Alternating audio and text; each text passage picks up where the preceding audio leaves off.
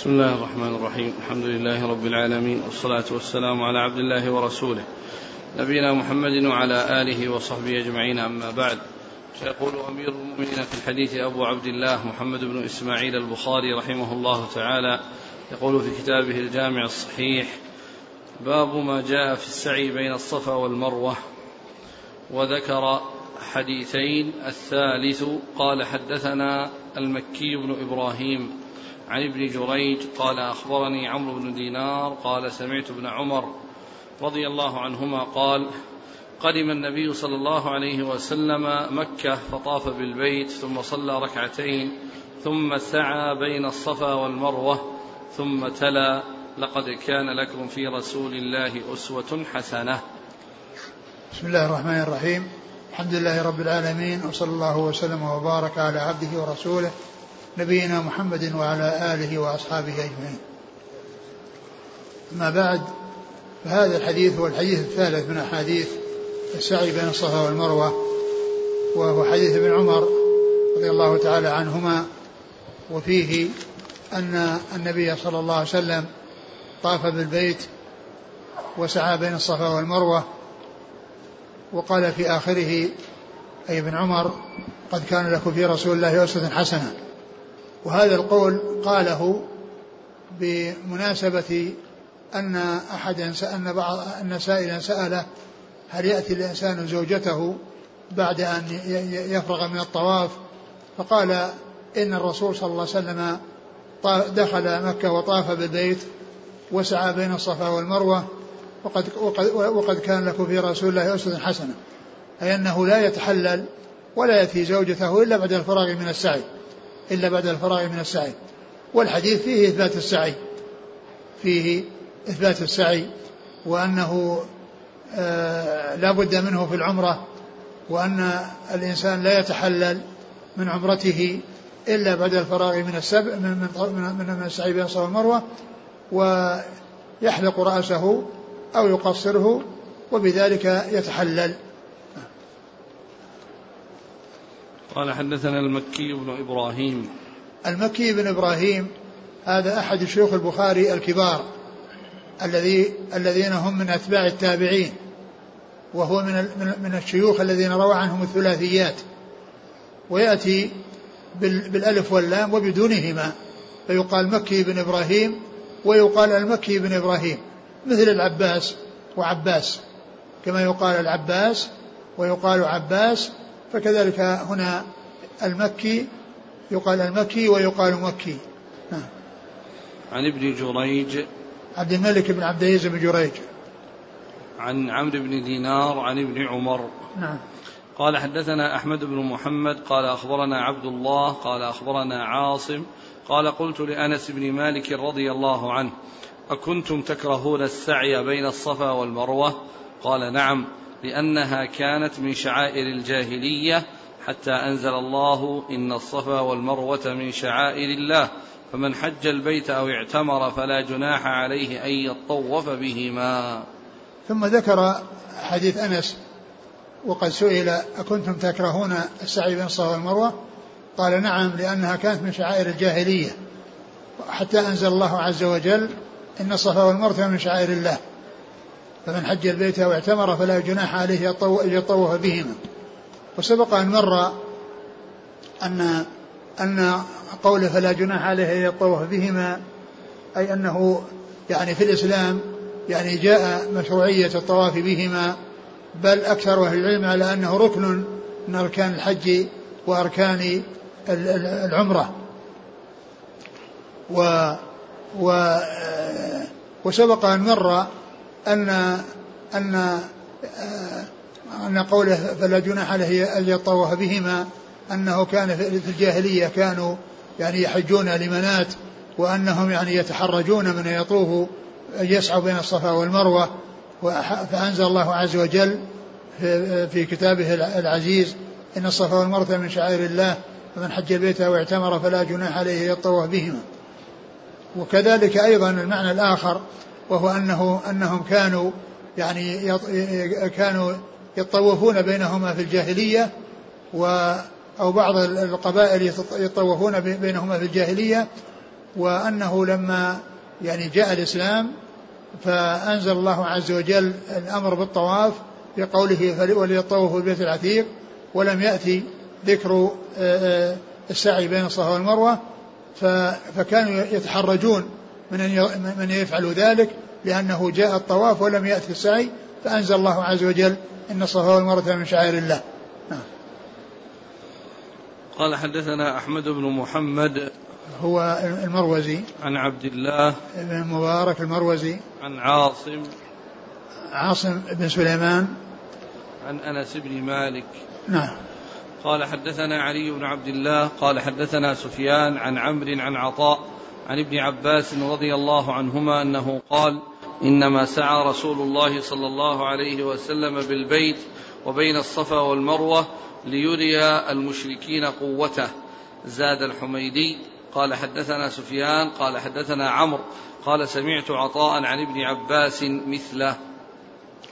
ثم ذكر يعني هذا الحديث عن ابن عباس عن ابن عباس رضي الله عنهما أنه قال إنما سعى النبي صلى الله عليه وسلم يعني في, في, في البيت وبين الصفا والمروة ليري المشركين قوته.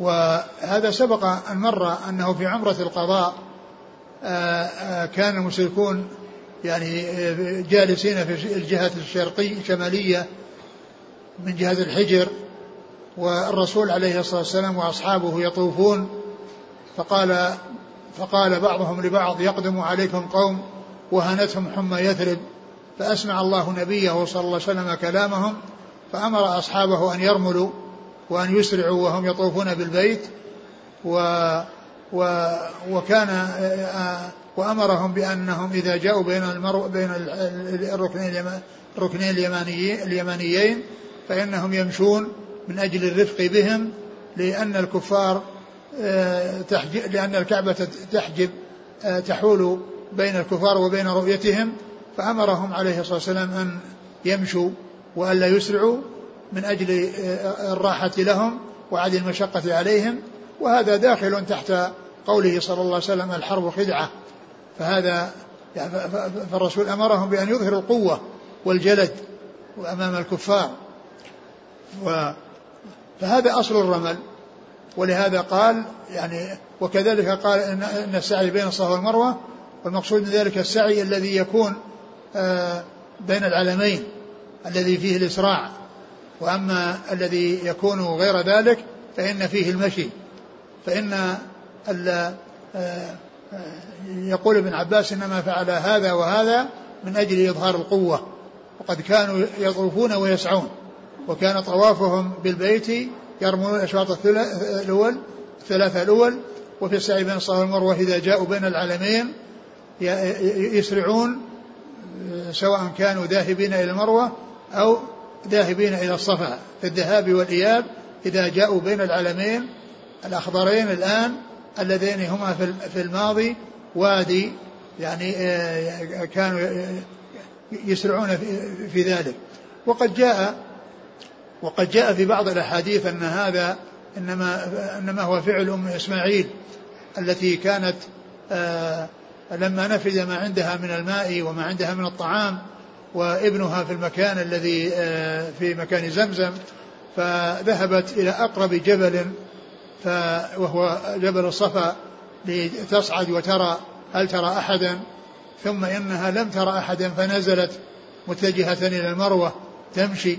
ولما جاءت في بطن الوادي أسرعت أسرعت. قيل لأنها كانت آه، يعني لا ترى ابنها وهي منخفضة في الوادي فأسرعت حتى تتجاوز يعني ذلك حتى تراه.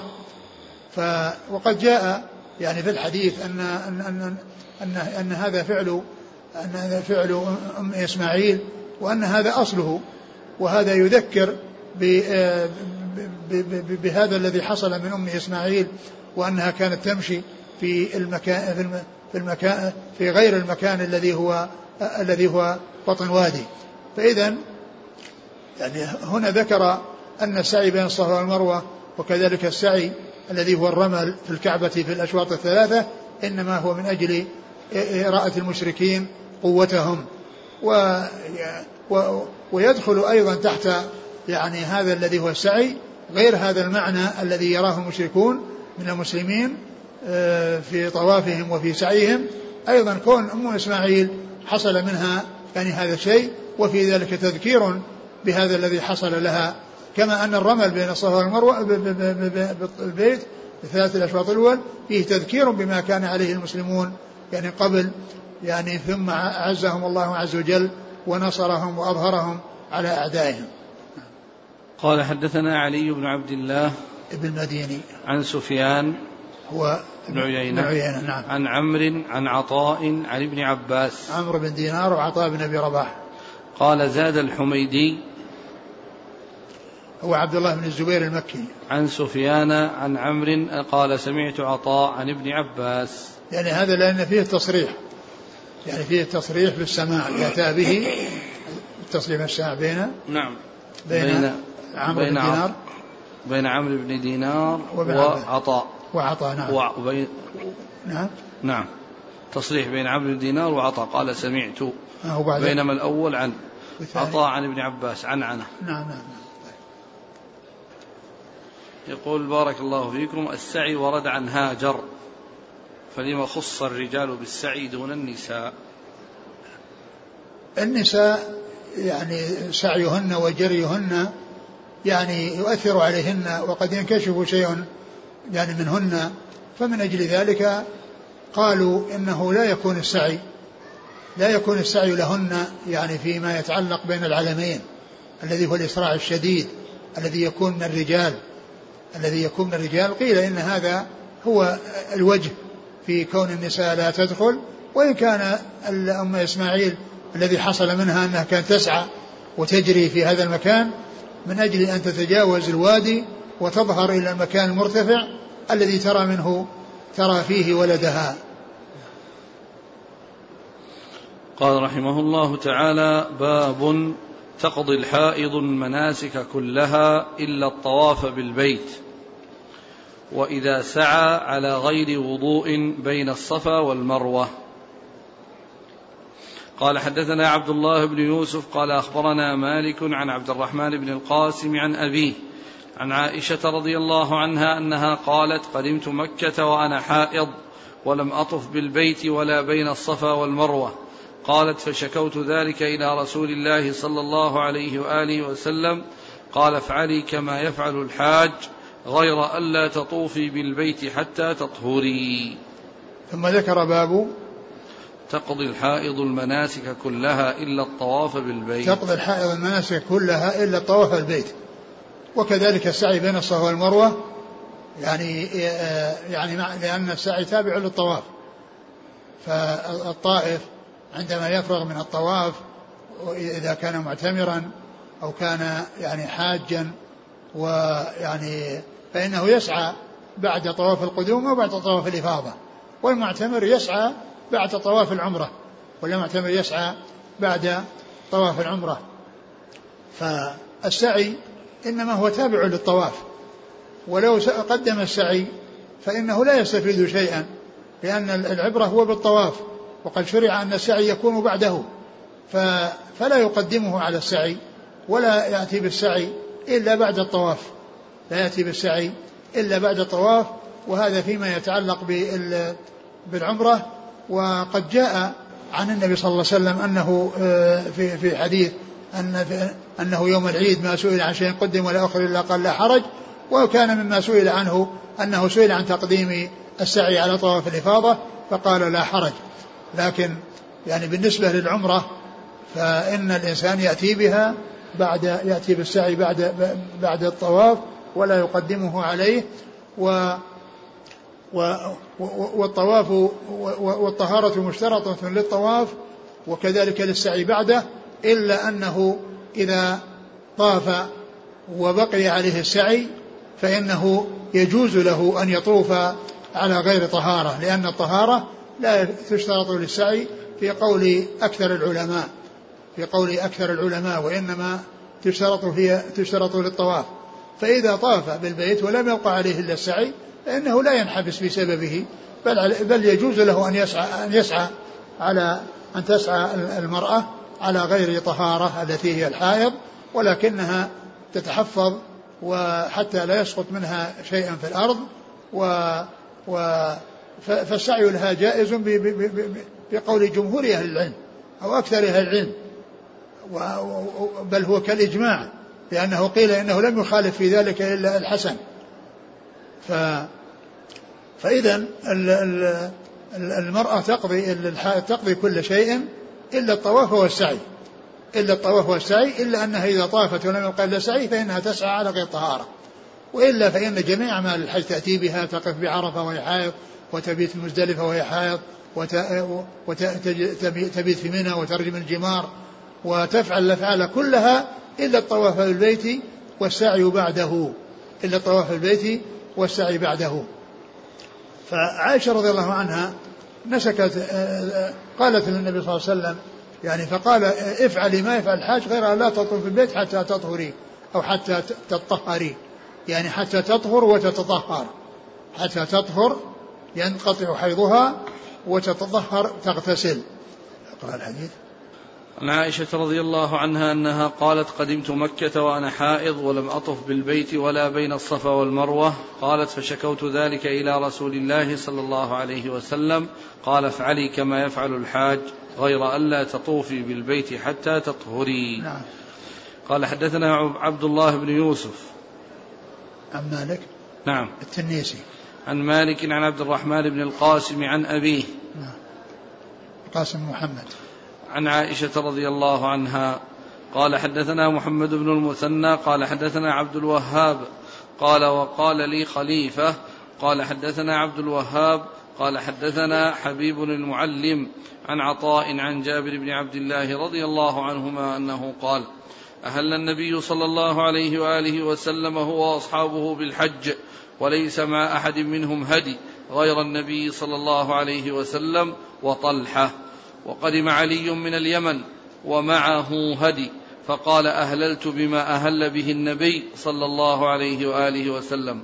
فأمر النبي صلى الله عليه وسلم أصحابه أن يجعلوها عمرة ويطوفوا ثم يقصروا ويحلوا إلا من كان معه الهدي.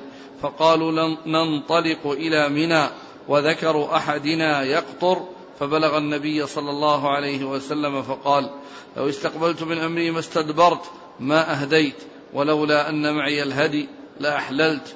وحاضت عائشة رضي الله عنها فنسكت المناسك كلها غير أنها لم تطف بالبيت فلما طهرت طافت بالبيت.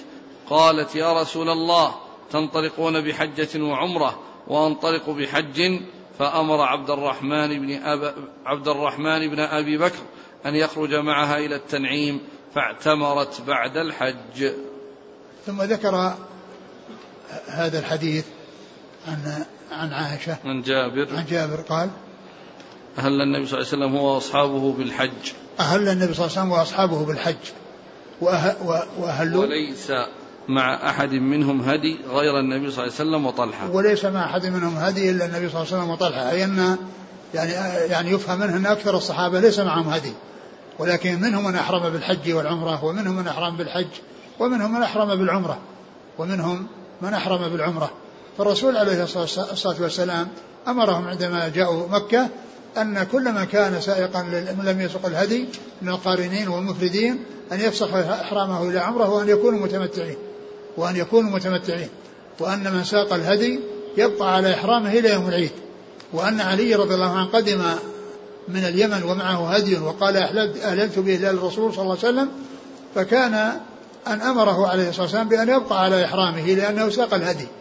وأما أبو موسى فإنه قدم من اليمن وأهل بإهلال الرسول صلى الله عليه وسلم وليس معه هدي فأمره بأن يطوف بالبيت ويسعى ويقصر ويكون بذلك معتمرا وليس يعني ولا, ولا, ولا يبقى على إحرامه أو لم يبقى على إحرامه الذي أحرم به لأنه الرسول أحرم قارنا وهو وقد ساق الهدي وهو أهل به إلى الرسول صلى الله عليه وسلم الذي هو فصار هو القران ولكنه لم يسق هديا فأمره بأن يطوف ويسعى ويكون عمله عمرة ثم يحرم بالحج مع الناس في اليوم الثامن. حاصل أن الرسول عليه الصلاة والسلام لما قدم وأصحابه هو ومن كان ساق الهدي بقوا على إحرامهم إلى يوم العيد والذين لم يسوقوا هديا إن كانوا معتمرين طافوا وسعوا وقصروا وإن كانوا قارنين ومفردين يفسخون إحرامهم لعمرة فيطوفون ويسعون ويقصرون. وحاضت عائشة؟ فأمر النبي صلى الله عليه وسلم أصحابه أن يجعلها عمرة يطوف ثم يقصر ويحل إلا من كان معه الهدي؟ قال فقالوا ننطلق إلى منى وذكر أحدنا يقطر. يعني كأنهم تحرجوا من أن يفسخوا إحرامهم بالحج وإفرادا أو قرانا إلى عمرة ويأتوا النساء في هذه الفترة التي بين تحللهم في اليوم الرابع وبين إحرامهم بالحج في اليوم الثامن وأنهم يذهبون إلى منى يعني حيث يحرمون من منازلهم في الأبطح فيذهبون إلى منى وهم حديث عهد بجماع النساء. فقالوا نفعل كذا يا رسول الله صلى الله عليه وسلم قال عليه الصلاة والسلام لو استقبلت من أمري ما استدبرت لما سقت الهدي ولولا أن معي الهدي لأحللت ولجعلتها عمرة. فهذا بين فيه الرسول عليه الصلاة والسلام الذي منعه من أن يفعل كما فعلوا وهو أن يتحلل آه يعني منعه من ذلك سوق الهدي. والذي يسوق الهدي يتعين عليه أنه يستمر في إحرامه إلى يوم العيد. بل سبق أن مر لو أن إنسان أحرم بعمرة وقد ساق الهدي فإنه يدخل الحج عليها ويكون قارنا ويستمر إلى يوم العيد. وحاضت عائشة رضي الله عنها فنسكت المناسك كلها غير أنها لم تطف بالبيت فلما طهرت طافت بالبيت. وحاضت عائشة رضي الله عنها فنسكت المناسك كلها كما أرشدها إلى ذلك رسول الله عليه الصلاة والسلام حيث قال افعلي ما يفعل الحاج غير أن لا تطوفي البيت حتى تطهري. فهي نسكت المناسك كلها ولم يبقى عليها يعني إلا, إلا, إلا, إلا الطواف. وكذلك يعني السعي السعي بعده لأن السعي تابع للطواف. فلما فرغت من الحج آه، وكانت طلبت منه عندما آه، نفروا إلى الأبطح في اليوم الثالث عشر أن تطوف أن تأتي بعمرة لأنها لم تتمكن بسبب الحيض من أداء عمرتها التي دخلت بها والتي أحرمت بها من الميقات فأمرها بإدخال الحج عليها وبذلك صارت قارنة فصار طوافها إنما هو لعمرتها وحجها وسعيها لعمرتها وحجها وبذلك كانت قارنة أتت بالحج والعمرة إلا أنها لم تطب نفسها بأن تطب نفسها بأن آه، يحصل آه، للذين كانوا معتبرين طوافين وسعيين طوافان وسعيان وهي لم يحصل لها إلا طواف واحد وسعي واحد مع أن طوافها وسعيها لحجها وعمرتها لأنه قال عليه الصلاة والسلام لها طوافك وسعيك يكفيك لحجك وعمرتك. فأمرها بأن تعتمر من التنعيم وبذلك تكون أتت بعمرتين وحج أتت بعمرة مقرونة مع الحج وبعمرة بعد الحج. قال حدثنا محمد بن المثنى نعم. عن عبد الوهاب. بن عبد المجيد الثقفي. قال وقال لي خليفة. وقال لي خليفة بن خياط. وقال لي خليفة بن خياط. هذه العبارة يستعملها البخاري مع خليفة فيقول قال لي. ويعني قال لي هذه مثل حدثنا هي بمعناها إلا أن الحافظ بن حجر أحيانا يعني يعني يقول يعني يأتي بها وأنها يعني ذكر عدة أسباب لكونه يعني آه، يأتي بها عن بعض شيوخه وهي من حيث الاتصال هو متصل بلا شك لأن قوله قال لي يعني سمعه مباشرة بدون واسطة. فمن العلماء فمن فمما قيل أن هذا مما كان يأخذه في حال المذاكرة. وليس في حال التحديث في حال المذاكرة يعني وليس في حال التحديث.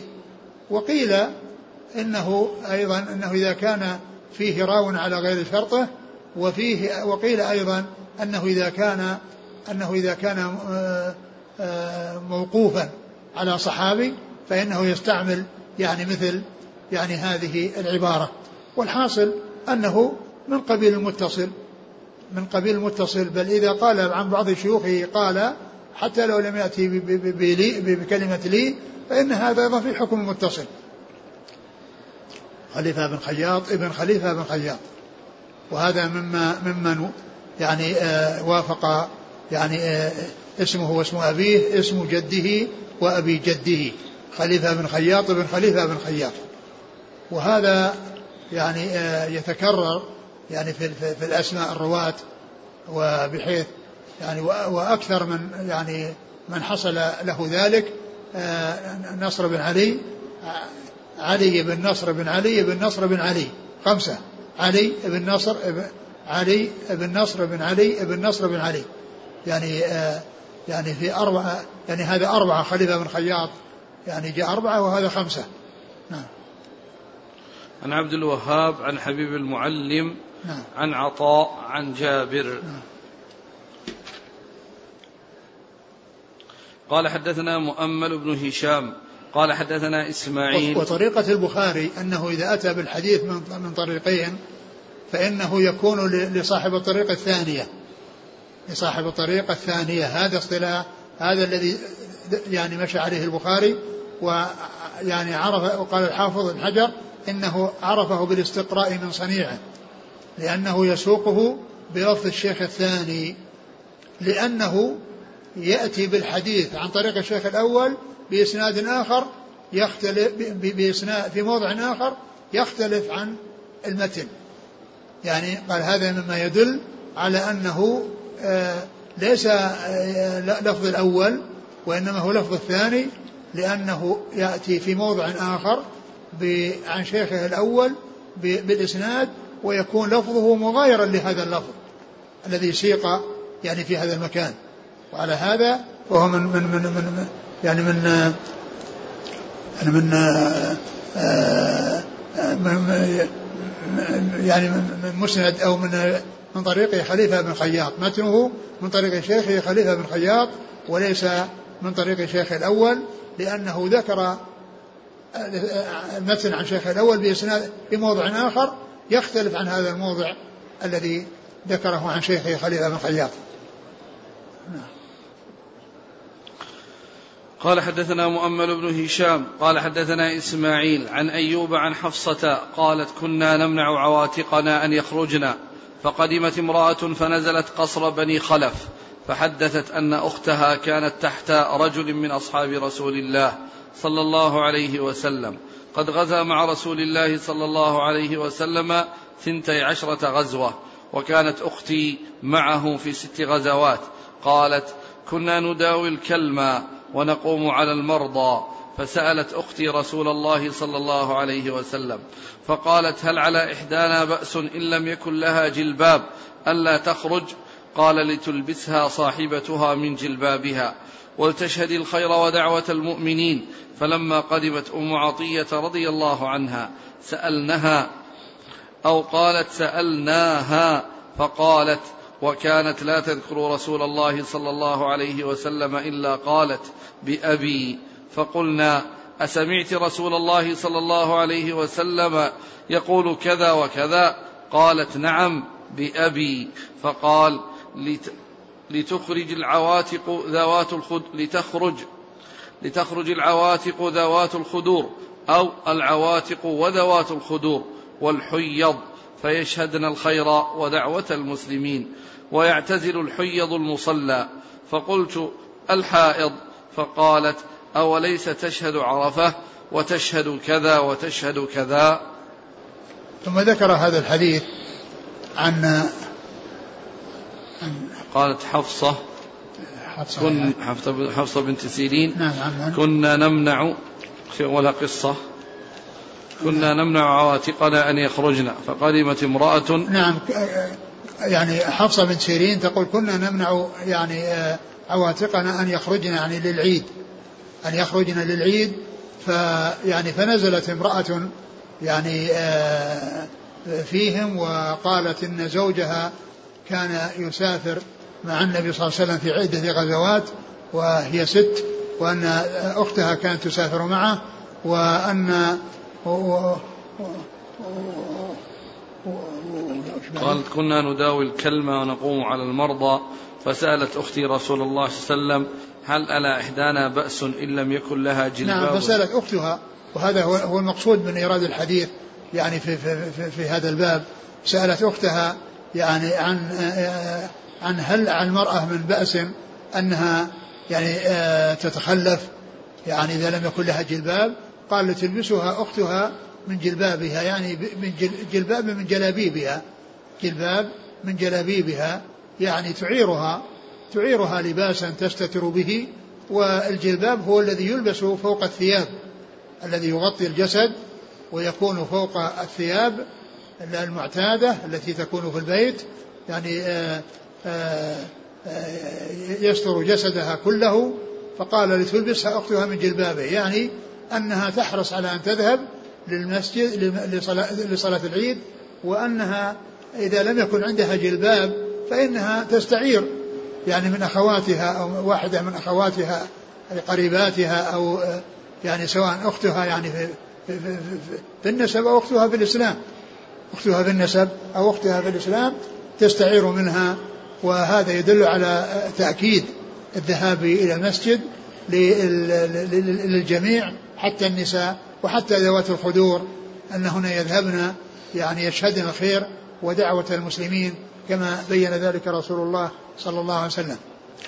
ثم إن أم عطية آه، جاءت وكانت لا تذكر النبي صلى الله عليه وسلم إلا تقول بأبي يعني أنه مفدي بأبي ليس حلفا. وليس قسما وإنما هو تفدية.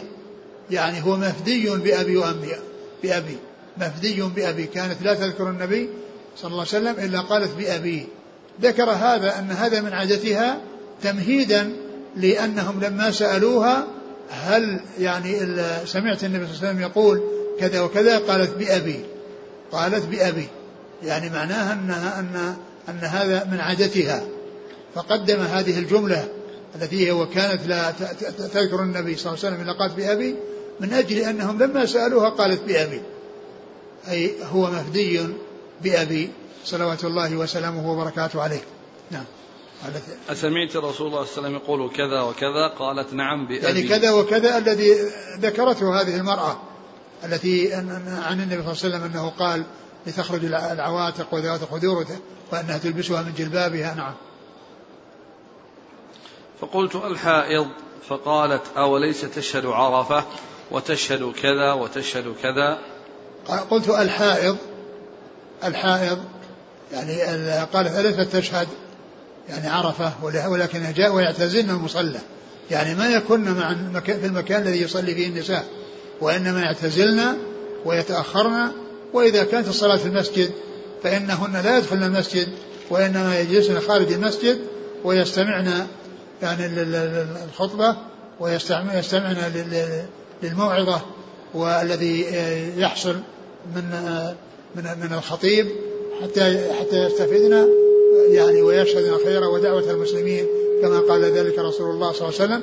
قال أليس تشهد عرفة وكذا؟ يعني أنها تأتي بجميع المناسك إلا أنها لا تدخل البيت لا تدخل المسجد ولا تطوف به لا تدخل المسجد ولا تطوف حتى تطهر. فهو أورده من, من أجل قول اعتزال المصلى. وإذا كان المسجد يعتزل المصلى يعتزل ولا تجلس الحائض فيه فيعني فكذلك يعني لا تطوف يعني بالبيت يعني وهي حائض. وأما السعي فقد عرفنا أنه إذا طافت بالبيت ولم يقع عليه إلا السعي فإنها تسعى لأن السعي لا يشترط فيه الطهارة وليس فيه جلوس وإنما في مشي. أقول مثل المرور مرور الحائض جائز ومرور الجنوب جائز في المسجد لكنه لا يمكث ولا يجلس. وهذه آه، إذا إذا إذا إذا, إذا كانت قد طافت ولم يقع عليها سعي فإنها تسعى وعليها الحيض ومثلها يعني المحدث يعني الذي آه، يعني آه، فقد الطهارة الصغرى والذي فقد الطهارة الكبرى فإنه يسعى و فإنه يسعى وقد عرفنا أن أن أن الطهارة لا تشترط في يعني شبه إجماع لأن الحافظ ذكر أنه لم يخالف في ذلك إلا الحسن.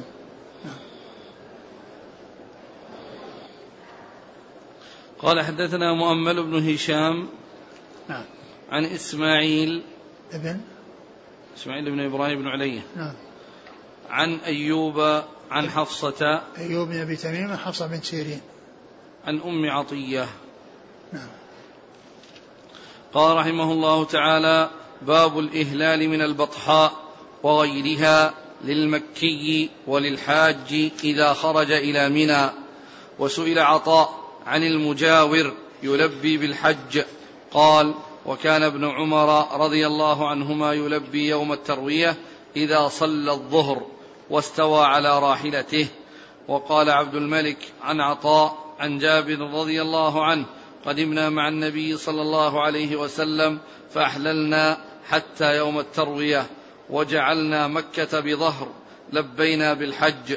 وقال أبو الزبير عن جابر أهللنا من البطحاء. وقال عبيد عبيد بن جريج لابن عمر رضي الله عنهما رأيتك إذا كنت بمكة أهل الناس إذا رأوا الهلال ولم تهل أنت حتى يوم التروية فقال لم أرى النبي صلى الله عليه وآله وسلم يهل حتى تنبعث به راحلته. ثم ذكر باب الإهلال من البطحاء. البطحاء بطحاء مكة والذي يقال له الأبطح وهو بين منى وبين يعني مكة بين بيوت مكة والآن صار كله بيوت متصلة. ف فأهل مكة يحرمون من مكة. والحجاج الذين كانوا معتمرين ويعني بقوا في مكة متحللين بعد أن فرغوا من عمرتهم. فإنهم يحرمون من منازلهم بمكة.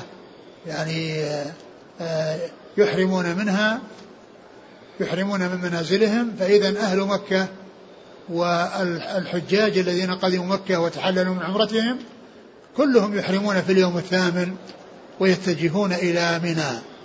كلهم يحرمون في اليوم الثامن ويتجهون ويتجهون إلى منى. ف وذكر عدة آثار تدل على هذا. ذكر عدة مجموعة من الآثار تدل على هذا وأن الرسول عليه وأن الصحابة الذين مع الرسول عليه الصلاة والسلام كانوا يحرمون من المكان الذي هم نازلين فيه وأهل مكة يحرمون من منازلهم كما قال النبي صلى الله عليه وسلم حتى أهل مكة من مكة. ومن كان نازلا في منى قبل أن يأتي اليوم الثامن فإنه يحرم من منزله ولا يلزمه أن يذهب إلى مكة ليحرم منها. ثم ذكر الآثار قال باب الإهلال من البطحاء وغيرها للمكي والحاج إذا يعني وغيرها من مكة. الإهلال يعني الإهلال يعني الإحرام من مكة وغيرها.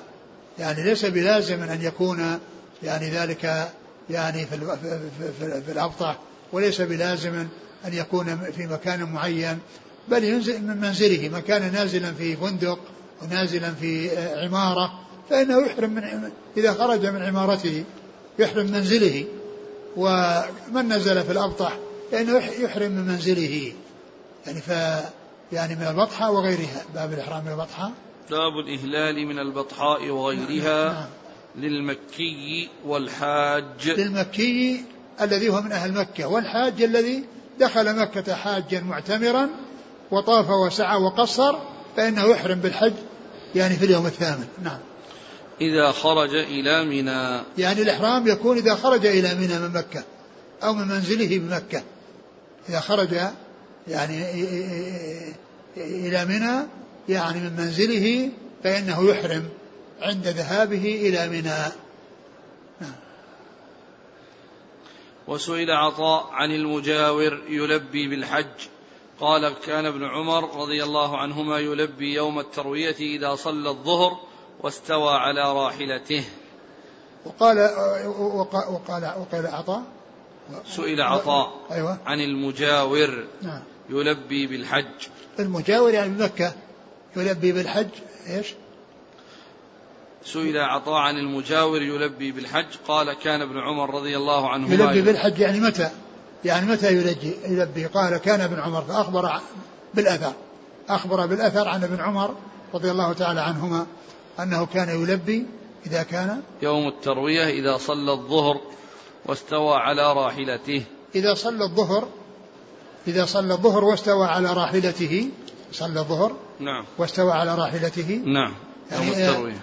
يعني يعني إذا كان بمكة وصلى الظهر واستوى على راحلته فإنه آه، يلبي. ولكن جاء يعني ما يدل على أن الذين كانوا مع النبي صلى الله عليه وسلم أحرموا من الأبطح وجاءوا وصلوا الظهر والعصر والمغرب والعشاء في في منى فصلوا الظهر في منى ويجوز يعني الإنسان يعني ليس بلازم أنه يصلي الظهر بل بل, بل البقاء في منى كله ليس بلازم بل هو من الأمور المستحبة.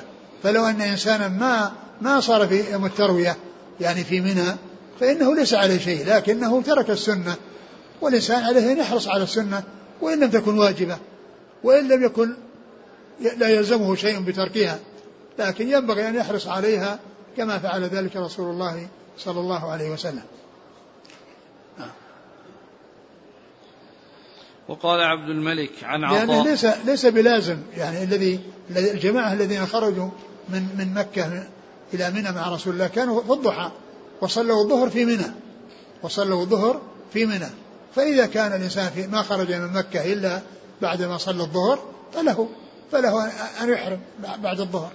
لكن الأولى أن يحرم في قبل ذلك حتى يصلي الظهر في منى وقال عبد الملك عن عطاء عن جابر رضي الله عنه قدمنا مع النبي صلى الله عليه وسلم فأحللنا حتى يوم التروية وجعلنا مكة بظهر لبينا بالحج. وهذا فيه أن عن جابر أن الصحابة رضي الله عنهم لما قدموا مع النبي صلى الله عليه وسلم وأدوا عمرتهم ويعني وجاء الحج فإنهم أحرموا حيث خرجوا من مكة وجعلوها بظهورهم يعني اتجهوا إلى منى. يعني ما اتجهوا منها يعني خرجوا من منازلهم واتجهوا إلى منى فإنهم يحرمون يعني من منازلهم. قالوا بظهر يعني أنهم اتجهوا إلى منى وصارت وراء ظهورهم مكة. نعم. وقال أبو الزبير عن جابر أهللنا من البطحاء. وقال أبو الزبير عن جابر أهللنا من البطحاء يعني أحرم من البطحاء التي هم نازلون فيها مع رسول الله صلى الله عليه وسلم. وقال عبيد بن جريج لابن عمر رضي الله عنهما رأيتك إذا كنت بمكة أهل الناس إذا رأوا الهلال ولم تهل أنت حتى يوم التروية. فقال لم أرى النبي صلى الله عليه وسلم يهل حتى تنبعث به راحلته. ثم ذكر هذا الأثر عن ابن عمر رضي الله عنهما أنه قيل له أن الناس يهلون إذا رأوا الهلال يعني هلال ذي الحجة. يهلون إذا يعني رأوا هلال ذي الحجة وأنت لا تهل إلا في اليوم الثامن. لا تهل إلا في اليوم الثامن. فقال إنه رأى النبي صلى الله عليه وسلم يعني يهل إذا انبعثت به راحلته. يعني أن أن الرسول عليه السلام كان لما كان في المدينة وفي الحليفة فإنه يهل إذا انبعث به راحلة عندما يركب وتنبعث به الراحلة. فكذلك أيضا الذي حصل من الصحابة يعني في في مكة يعني بعدما جاء اليوم الثامن فإنهم يفعلون ذلك. والرسول عليه السلام باق على إحرامه.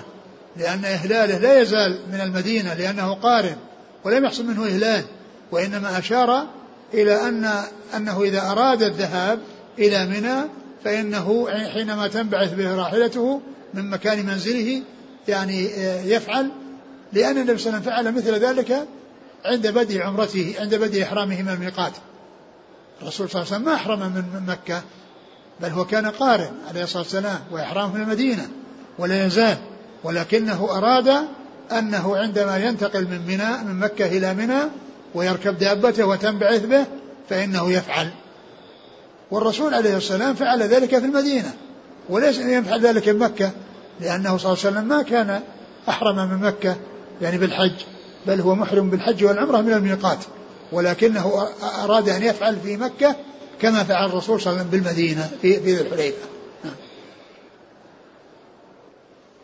قال رحمه الله تعالى باب أين يصلي الظهر يوم التروية. قال حدثني عبد الله بن محمد قال حدثنا إسحاق الأزرق قال حدثنا سفيان عن عبد العزيز بن رفيع قال سألت أنس بن مالك رضي الله عنه قلت أخبرني بشيء عقلته أخبرني بشيء عقلته عن النبي صلى الله عليه وسلم. أين صلى الظهر والعصر يوم التروية؟ قال بمنى. قلت فأين صلى العصر يوم النفر قال بالأبطح ثم قال افعل كما يفعل أمراؤك. ثم ذكر باب أين أين يصلي الظهر يوم التروية. أين يصلي الظهر يوم التروية؟ أين يصلي الظهر يوم التروية؟ يعني ذكر ذلك مطلقا يعني ومما مما يدل على أنه يجوز أن يكون بمكة ويجوز أن يكون بالمدينة بمنى وأن الأفضل ولا شك أن الأفضل أن يكون بمنى لأن هذا هو الذي فعله الرسول عليه الصلاة والسلام. ولكن لو فعله بمكة فإن ذلك سائق وجائز لأن لأن الصلاة بمنى الظهر بل إن الصلوات كلها بمنى والمبيت كله بمنى هو من قبيل المستحبات ليس من قبيل الأركان ولا من قبيل الواجبات. ليس من قبيل الأركان ولا من قبيل الواجبات وإنما هو من الأمور المستحبات. والسنة أن الإنسان يصلي بها أربع خمسة الأوقات, خمس الأوقات الظهر والعصر والمغرب والعشاء والفجر. يصليها بمنى كما فعل ذلك رسول الله عليه الصلاة والسلام. قال قال أين؟ سألت أنس بن مالك قلت أخبرني بشيء عقلته عن النبي صلى الله عليه وسلم. أين صلى الظهر والعصر يوم التروية؟ قال بمنى. قلت أين صلى العصر يوم النفر؟ قال بالأبطح. يعني أنه صلى النبي صلى الله عليه وسلم يعني صلى الظهر والعصر بمنى في اليوم الثامن. وأما يوم النفر الذي هو اليوم الثالث عشر الذي الذي فيه رمى الجمار ثم ذهب إلى منى قال أين صلى العصر؟ قال صلاها. أين صلى العصر؟ قال قال يوم النفر قال بالأبطح. بالأبطح. بل الظهر أيضا صلاها بالأبطح مو بالعصر. قال الظهر والعصر ولا قال العصر؟ عصر الظهر وكذلك الظهر أيضا صلاها بالأبطح. لأن الرسول صلى الله عليه وسلم ارتحل لما زالت الشمس ومر بالجمرة ورماها وهو في طريقه إلى الأبطح ثم صلى الظهر بالأبطح عليه الصلاة والسلام. وكذلك العصر. صلى الظهر والعصر. و ولم يصلي بمنى يعني الظهر في اليوم لأن النبي صلى الله عليه وسلم كان يعني يرمي قبل الصلاة. في الأيام التي آه، يوم الحادي عشر والثاني عشر كان يرمي قبل أن يصلي ثم يذهب ويصلي بالناس مسجد الخير. وأما في اليوم الثالث عشر الذي آه الذي أراد الذهاب فيه للأبطح فإنه ارتحل ومر بالجمرة ورماها وواصل حتى وصل الأبطح وصلى فيه الظهر. ثم صلى العصر لأنه كل صلاة يصليها في وقتها صلوات الله وسلامه وبركاته عليه. ثم قال افعل كما يفعل أمراؤك. افعل كما يفعل أمراءك. يعني إذا كان إذا كان يعني الأمراء يعني فعلوا شيئا يعني سائغا وجائزا وأنت يعني كنت معهم وصليت الظهر بمكة فإن ذلك سائغ. يعني معناه أنه يعني أنه لا يكون في ذلك مخالفة ولا يكون في ذلك يعني ترك أمر واجب أو ترك ركن وإنما هو لشيء مستحب. بل إن المبيت بمنى والبقاء بمنى قال المنذر أجمعوا على أن من لم يكن في منى يعني في ذلك الوقت أنه لا شيء عليه. أجمعوا على أن من لم يأتي إلى منى في هذا الوقت فإنه لا شيء عليه أي لأنه من قبيل المستحبات. قال حدثني عبد الله بن محمد هو المسندي. عن إسحاق الأزرق نعم. عن سفيان الثوري. عن عبد العزيز بن رفيع نعم. عن أنس بن مالك. نعم. قال حدثنا علي أنه سمع أبا بكر بن عي أبا بكر بن عياش. قال حدثنا عبد العزيز قال لقيت أنسا. قال وحدثني إسماعيل بن أبان قال حدثنا أبو بكر.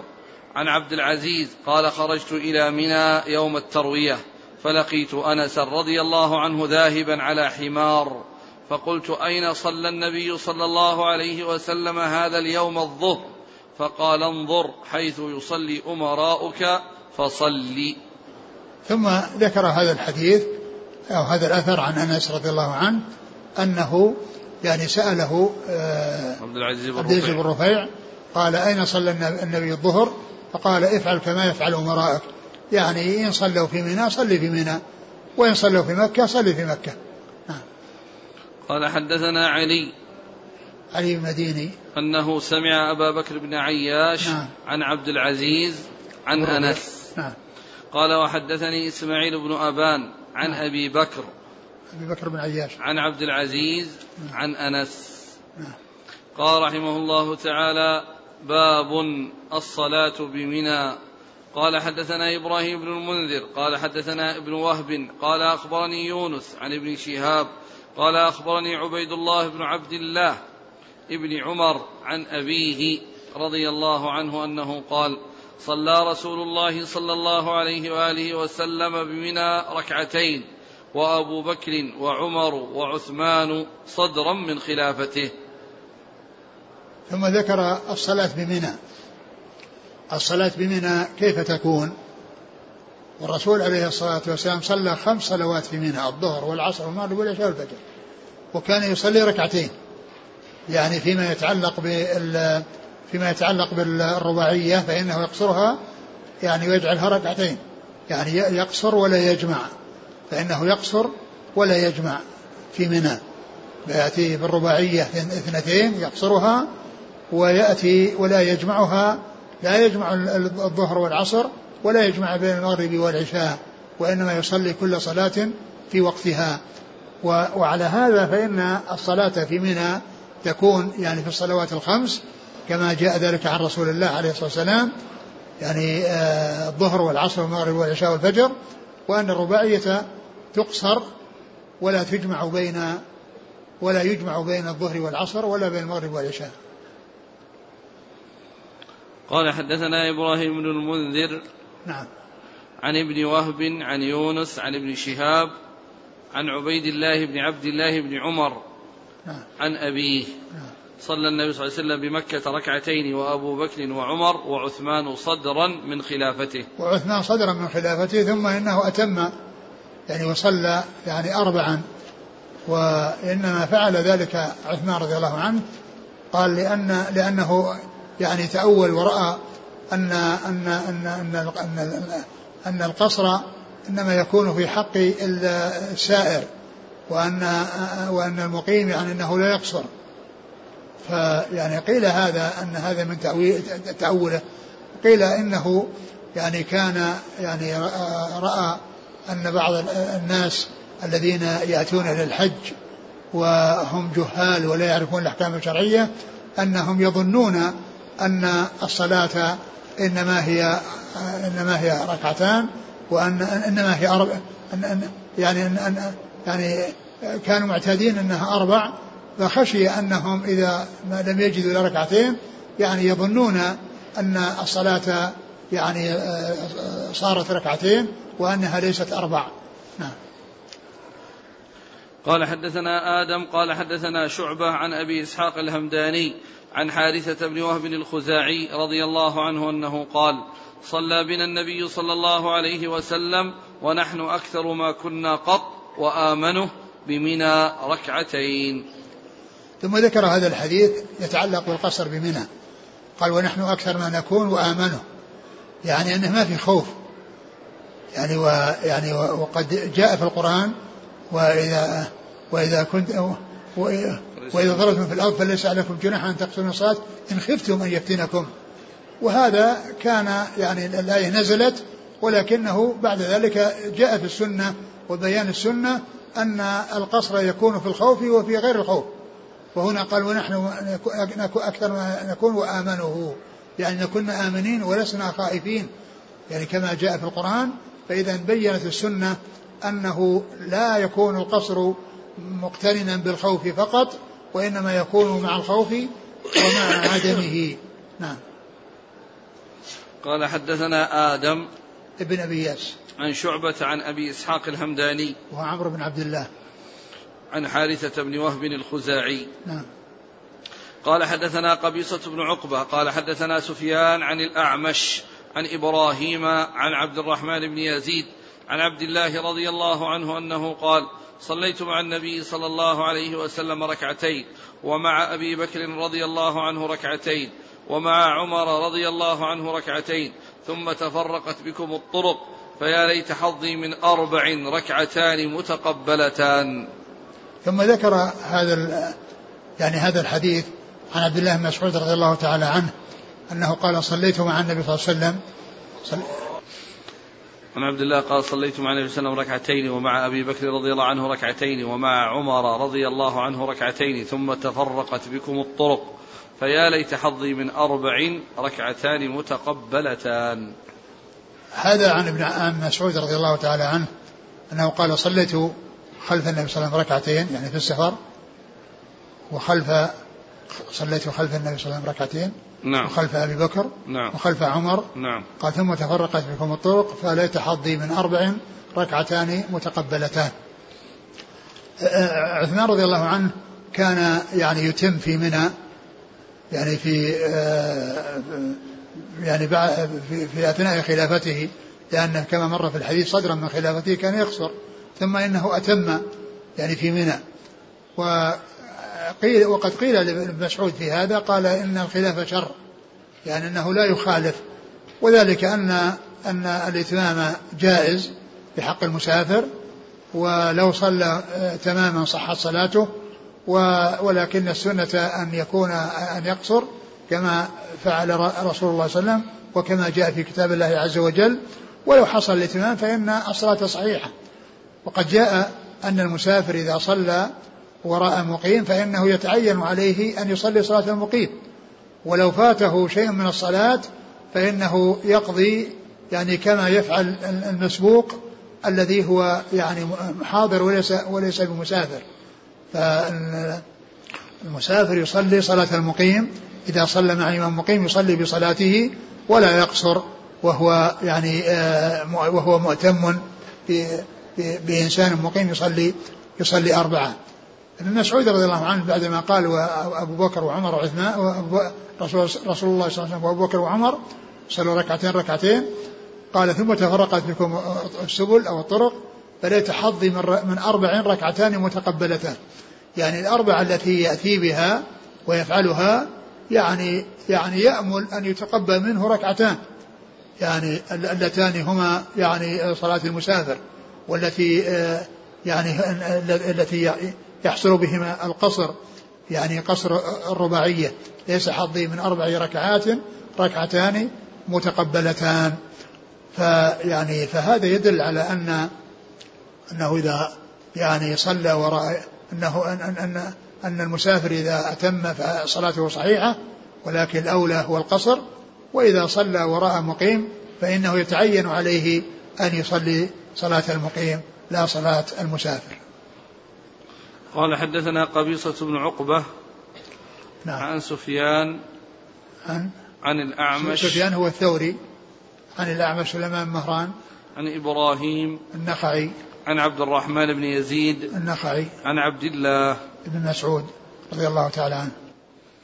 قال رحمه الله تعالى باب صوم يوم عرفة. والله تعالى أعلم وصلى الله وسلم وبارك على عبده ورسوله نبينا محمد وعلى آله وأصحابه أجمعين.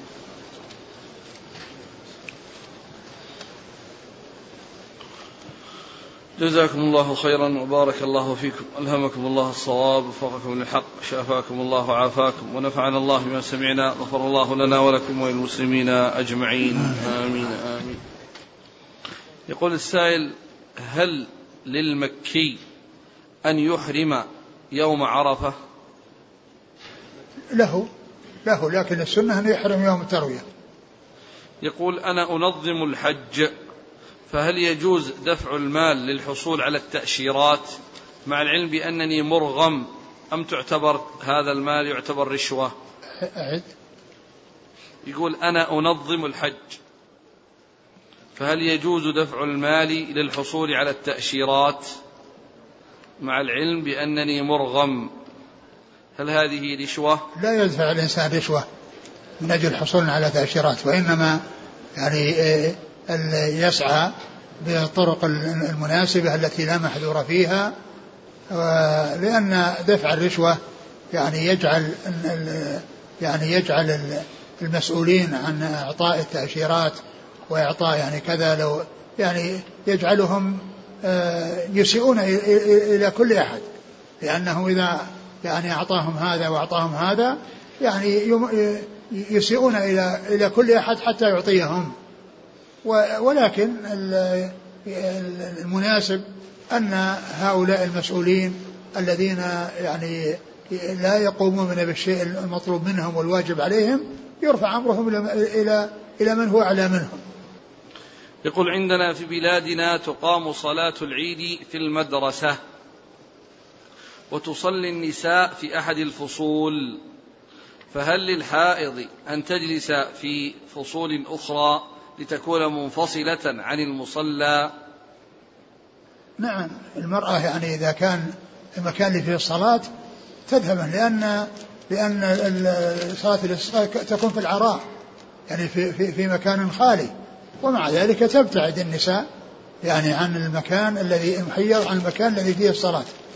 تبتعد يعني حتى يعتزلن المصليات ولا يكن معهن وحتى لا يحصل منهن تلويث للمكان الذي يصلى فيه. حتى لا يحصل منهن تلويث للمكان الذي يصلى فيه. فإذا كان أن الصلاة صارت في مدرسة وليس هناك يعني مكان آخر وما أدري لماذا لا يصلى بالمساجد. لا يصلى بالمساجد. يعني المساجد أولى من أولى من المدرسة. يقول هل اللجوء إلى الكفار من حيث ما يسمى عندهم بالشرطة أو العدالة في بلاد الغرب لقضية بين المسلمين حيث أنني شكوت ذلك للمسلمين لكنهم لم يعدلوا فحولتها إلى الشرطة أو العدالة الكافرة. أعد. هل اللجوء إلى الكفار بما يسمى عندهم الشرطة أو العدالة في بلاد الغرب لقضية حصلت بين المسلمين؟ شكوت أحد المسلمين فلم فلم يعدلوا لي. إذا كان بينك وبين أحد من المسلمين خصام فلا تذهب للكفار. لتتقاضى إليهم وإنما عليك أنك تحرص على أن ترى من فيه خير ومن فيه قدرة على أن يحكم بينكما وتحكمونه. إذا كان ما يعني ليس هناك يعني في بلد ليس فيه قضاة شرعيين فإنك وصاحبك تختارون من تتحاكم تتحاكم إليه ممن يحكم بينكما بكتاب الله وسنة رسوله صلى الله عليه وسلم وهذا هو الحل الصحيح. ولا يجوز لك أن تذهب إلى الكفار وتتحاكم أنت وزميلك إليهم لكن إذا طلبت يعني كونك ترتفع إليهم لا تذهب. لكن إذا طلبت ليس أمامك إلا الذهاب لأنك ليس سوى ذلك. لكن كونك ترفع الأمر أنت وأنت الذي تطلب يعني التحاكم إليهم هذا غير جائز.